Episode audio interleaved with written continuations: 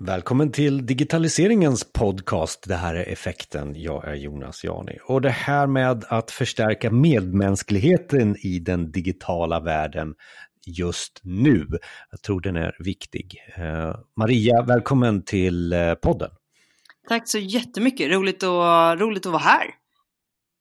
Maria Berghäll och du är ju den som kan kanske hjälpa oss här nu för att vi befinner oss i en situation och med din erfarenhet om den nuvarande situationen, vilka utmaningar står vi inför eh, enligt dig?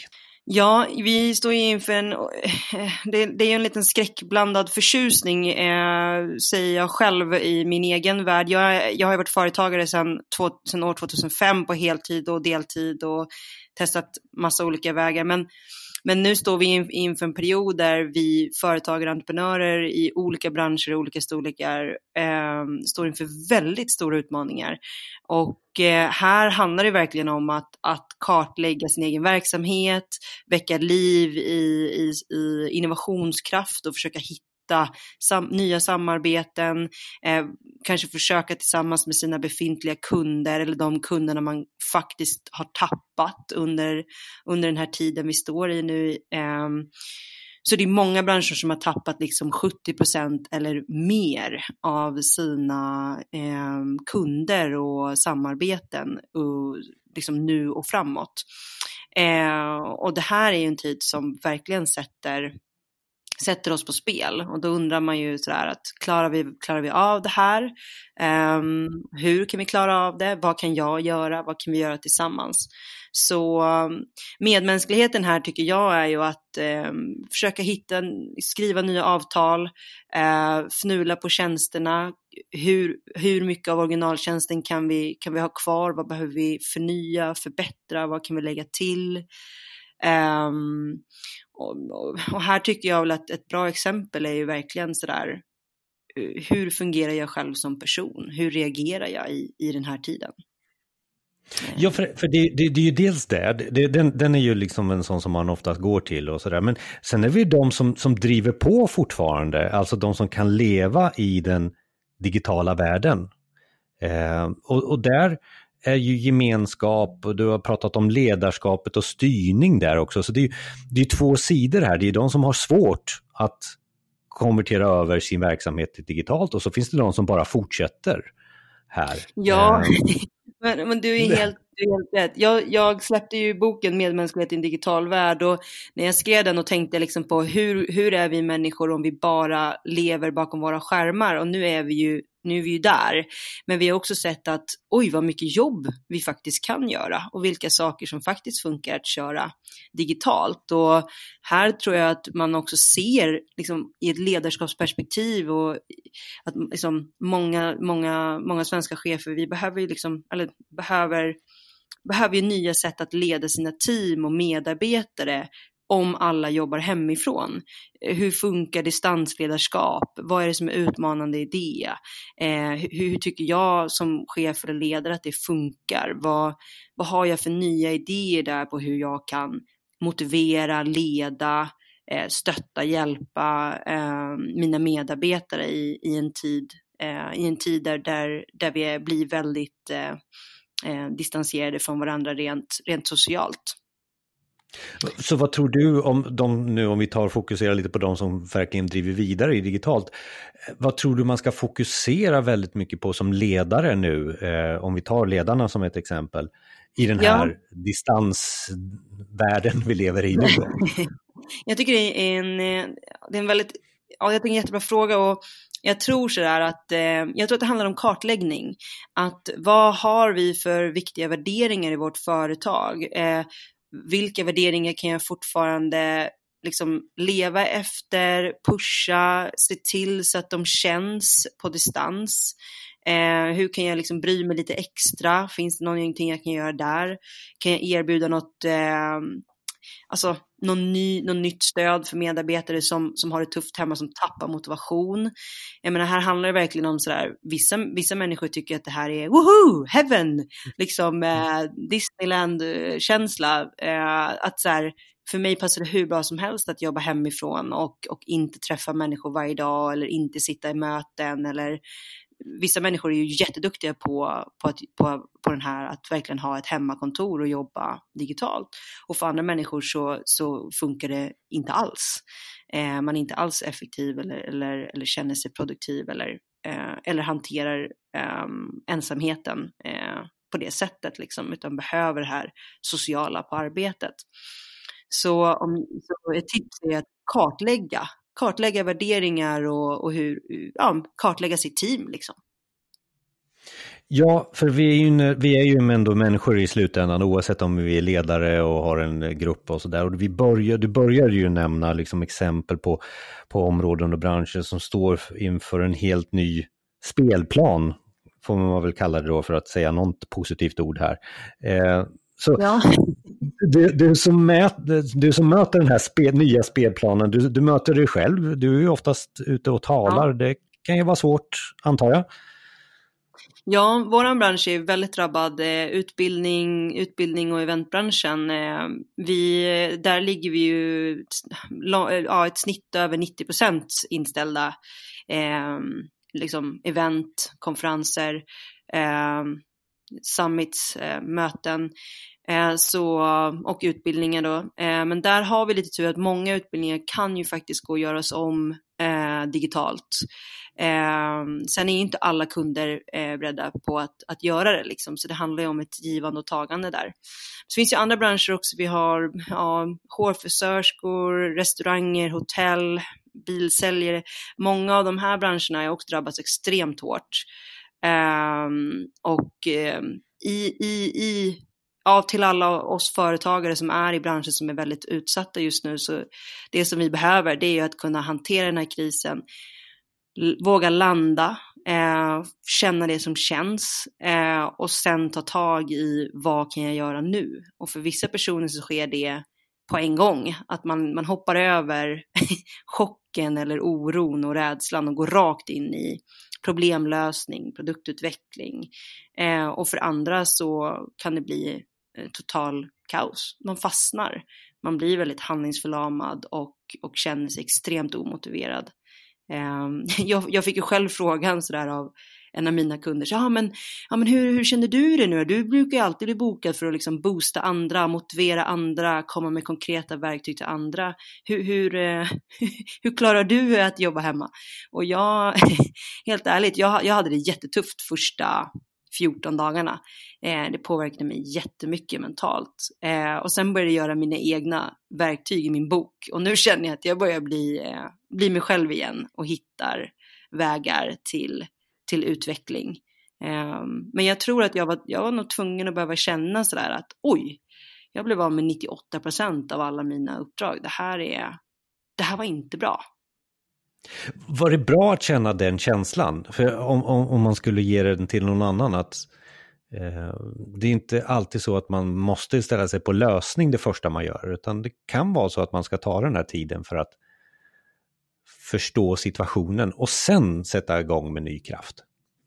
Ja, jag tror det, för att eh, ibland så tror jag att det viktiga faktiskt är att få erkänna vad som känns att eh, det är faktiskt in, inte bara lätt just nu.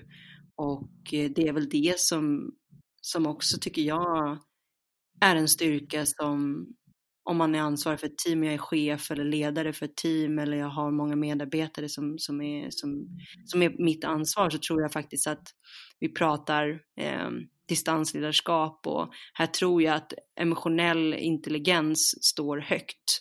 Alltså ju högre EQ nu i ledarskapet desto, desto bättre. Och att verkligen ta sig tid att sätta sig in i andra människors eh, situation, hemmasituation, eh, olika familjeförhållanden, eh, vart man, vart, alltså så här, hur man är som, som person, hur man reagerar, vad som känns och, och försöka ge människor chans att, att, att hitta sina egna verktyg till att fungera och prestera som bäst i sin roll på distans. För där tycker jag att vi var på den pucken innan detta hände, alltså eh, gå mer ifrån hard skill till soft skills då kanske. Eh, kommer vi skynda på den processen att vi kommer bli duktigare på soft skills som ledare, som människa nu? Jag hoppas ju att en stor del av det som händer nu kommer att, uh, kommer att påskynda vårt sätt att, att uh, se på varandra, förstå varandra, sätta sig in i varandras situationer uh, och framför allt att vi får ett helt annat typ av ledarskap. Vi har ju också sett att många av den oron som man hade kanske tidigare, att, men, hur, hur, hur ska min personal klara det här eller kan man verkligen jobba på distans? Eh, det har ju också funkat väldigt bra, så jag tror att vi står inför en, eh, en framtid efter det här där man kanske ser att ja, men våran arbetsmiljö, den kan nog förändras en hel del. Och jag tror att om man tittar på den yngre generationen så är de liksom otroligt eh, flexibla och det är väl här också vi kan börja titta på den arbetsnormen vi har. Att hur kan vi börja jobba med, med en annan typ av employer branding? Hur kan vi locka talanger? det här kanske vi kommer in då på lite mer soft skills till ledarskapet, en öppnare dialog om, om arbetsmiljö eller tid, tid på kontoret eller vad det nu än kan handla om. Eh, men jag, jag hoppas att vi har skyndat på det här just i ledarskapet, för jag tror att vi, vi verkligen behöver det och det visar även en rapport som kom ut i förra året att eh, från World Economic Forum att det som framtidens ledare kommer behöva mer av, både på makro, eh, alltså makro och mikronivå, är ju, det är ju emotionell intelligens och kulturell intelligens i sitt ledarskap. Ehm, och det är det som kommer vara i framkant, inte kanske eh, de här mer eh, hard skillsen som vi har tittat på hittills. Tror du också, kopplat till att se det positivt och se det framåt, man pratar ju om innovationskraft och förmåga, entreprenörskap. Det, det kanske är sådana positiva egenskaper som folk nu tar till sig eh, i den här situationen. Har vi den kraften i Sverige? Vad känner du där? Eh... eh vi har varit jätteduktiga på innovation, att skapa nya, alltså skapa nya produkter och idéer. Alltså innovationer i sig är vi ju eh, andra bäst i världen efter USA och Silicon Valley. Så det är ju superbra. Men, men det är ju det är en sak att skapa innovation och en annan sak att skapa innovationskraft. Um, så innovationskraften hoppas jag väcker, eh, väcks till liv um, stort som smått på arbetsplatserna. Så att oavsett roll, oavsett ålder, oavsett bakgrund så känner man så här att jo, men jag, jag är viktig, mina idéer är viktiga och jag kan också bidra till innovationskraft på min arbetsplats, även om jag inte har titeln innovation manager eller, eller vad det nu än kan vara. Liksom. Utan att innovationskraft handlar ju om, om att, att ha kraften att våga bidra, motivera sig själv till att växa i sin egen roll, bidra till teamet, eh, hitta små lösningar på, på vardagliga problem i, i, i sin arbetsroll. Så det hoppas jag. Ja, för att det är väl så att vi kanske under det här samtalet så, så ska vi inte prata så mycket om det negativa, även om det finns vissa som har ett negativt och behöver ett mindset. Kanske till och med, vi pratade om det innan du och jag, reboota sig själv här. Så på, ja. på slutet, Maria, kan det, kan det vara så, du, visst du står på dina föreläsningar och får igång folk och sådär, kan du ge oss någon sån här få igång-checklista på hur, hur du rebootade dig själv i det här läget? Vilken jobbig fråga kanske, men du, du, Nej, du får utmaningen. Det, det är jättebra fråga. Eh, hur tar man sig från eh, lägsta nivå på sin motivationsstege till högsta? Jo, men nej, jag brukar ju göra, det finns en övning som jag tycker är hur rolig och hur härlig som helst. Och innovationskraft för mig och när jag är ute runt om i Sverige och har hjälpt uh, bolag med det så är det så att det måste börja med att det är roligt. Det är svårt att vara innovativ och uh, modig och inspirerande och kreativ när man är liksom lite deppig eller trött eller, eller sådär. Eh, så att jag brukar säga att det första man behöver göra är att byta miljö eh, ut i spåret, sätt dig vid en brygga vid vattnet. Eh, eh, nu ta en promenad med, med, med en kompis eller, eller, eller så, med, med rätt avstånd såklart från varandra. Men att börja prata och prata om andra saker än problemen. Eh, och då finns en övning som, som jag tagit med mig från eh, många år sedan, det är en idégenereringsövning. Så att jag säger ett ord, jag säger gelé och du säger ett annat ord. Då säger du igelkott säger vi. Och då blir det så här, okej, okay, gelé plus igelkott, vad kan det bli för någonting? Shoot, vi har 60 sekunder på oss att skapa så många nya idéer som möjligt från de här två orden. Um, ja, vi kan, uh, vi kan lansera en ny uh, eh, hårgelé som kommer i, eh, igelkott, som en, kommer i en förpackning som ser ut som en igelkott och försöka införa eh, Spikes-frisyren från 90-talet. Eh, det kan ju matcha modet nu för tiden liksom. Eh, eller vi vill minska igelkottsdöden i Sverige så vi lanserar en, eh, en gelé som kommer i små i, som, i, som, som kom i små förpackningar som vi kan placera ut på stora vägar där mest igelkottar dör. Det är bra nu till valborg så att de inte kryper in i eldarna. Så skickar de här geléklumparna ut en signal som bara igelkottarna hör och så vänder de. Så, Nej, jag tänker inte krypa in i den här elden idag, så jag vänder här. Eh, till exempel. Eh, och ja. där är övningen slut. Och sen så byter vi. Och sen till slut så kommer vi förhoppningsvis komma till ord som är relaterade till vår bransch, till vår avdelning eller problem som vi har idag som vi behöver lösa. Eh, och när man är igång, värmer kläderna, det är lite roligt, det är inte så allvarligt, det, ingen, det, finns ingen press eller prestige att vi måste komma på lösningar. Det är då lösningarna bara liksom ramlar över en. Liksom. Och helt plötsligt har man 20 lösningar på ett problem den kreativa, eh, kittlande kreativa hjärnan ska igång igen. Eh, Jajamän. Och, och få ett fokus bort ifrån där vi är och kanske se framåt. Eh. Ja, mm. och det är ju så när det är lite kris att eh, ofta så låser man sig då för man kanske är ekonomiskt stressad. Eh, så där att man vet att vi, vi måste lösa det här ganska snabbt. Eh, eller så är man stressad för att man behöver omorganisera eller eh, tyvärr kanske till och med eh, säga upp folk eh, och det är inte så roliga saker att göra. Så att man försöker, försöka, försöka på alla sätt som går att, att byta mindset och försöka hitta tillbaks till glädjen eh, och förhoppningsvis lösa de problemen som vi står inför och i allra bästa världar liksom kunna återanställa dem man har tyvärr var tvungen att släppa just nu. Så här på slutet, är det någonting som du vill eh, tillägga i, i samtalet här? Ja, men jag tycker att det, jag tror att det viktigaste är att skicka med en, en, en ganska skön och så positiv känsla. Och det är ju det här att försök på så många sätt du kan eh, liksom kartlägga dig själv. Så här, vad, vad gör dig glad? Vad, vad, vad, får du lite energi av? Eh, finns det någon du kan ringa som du inte har snackat med på ett tag? Eller finns det någon du kan ha en digital AV med som, som du inte brukar träffa på AVn? Eller liksom så här, att försöka bjuda in, försöka liksom sådär vad behöver jag för att förnya mig lite grann nu liksom? Och så bara egentligen bara göra det tror jag också, så att vi inte fastnar. Vi har boostat vårt blogginlägg som tillhör det här avsnittet. Vi har också boostat kommentarerna som ligger just nu i din podcastspelare med mer utav Maria. Maria, det är länkar till dig, det är eh, olika mer, länkar till olika mer inspirationsmaterial och även till dig förstås om man vill kontakta dig vidare. Och boken hette, så vi tar det på slutet så. Ja, Empatiministeriet, medmänsklighet i en digital värld. Eh, man hittar, de som har cheftidningen kan ju läsa lite om den där, sen finns den på nätet och eh, man kan kolla ett litet klipp och länka där eh, också. Så det är bara, finns bra verktyg och övningar i, i boken när man sitter hemma nu. Och boken länkar vi också till förstås i blogginlägget på effekten.se. Maria Berghäll, tack så jättemycket för samtalet. Tack själv.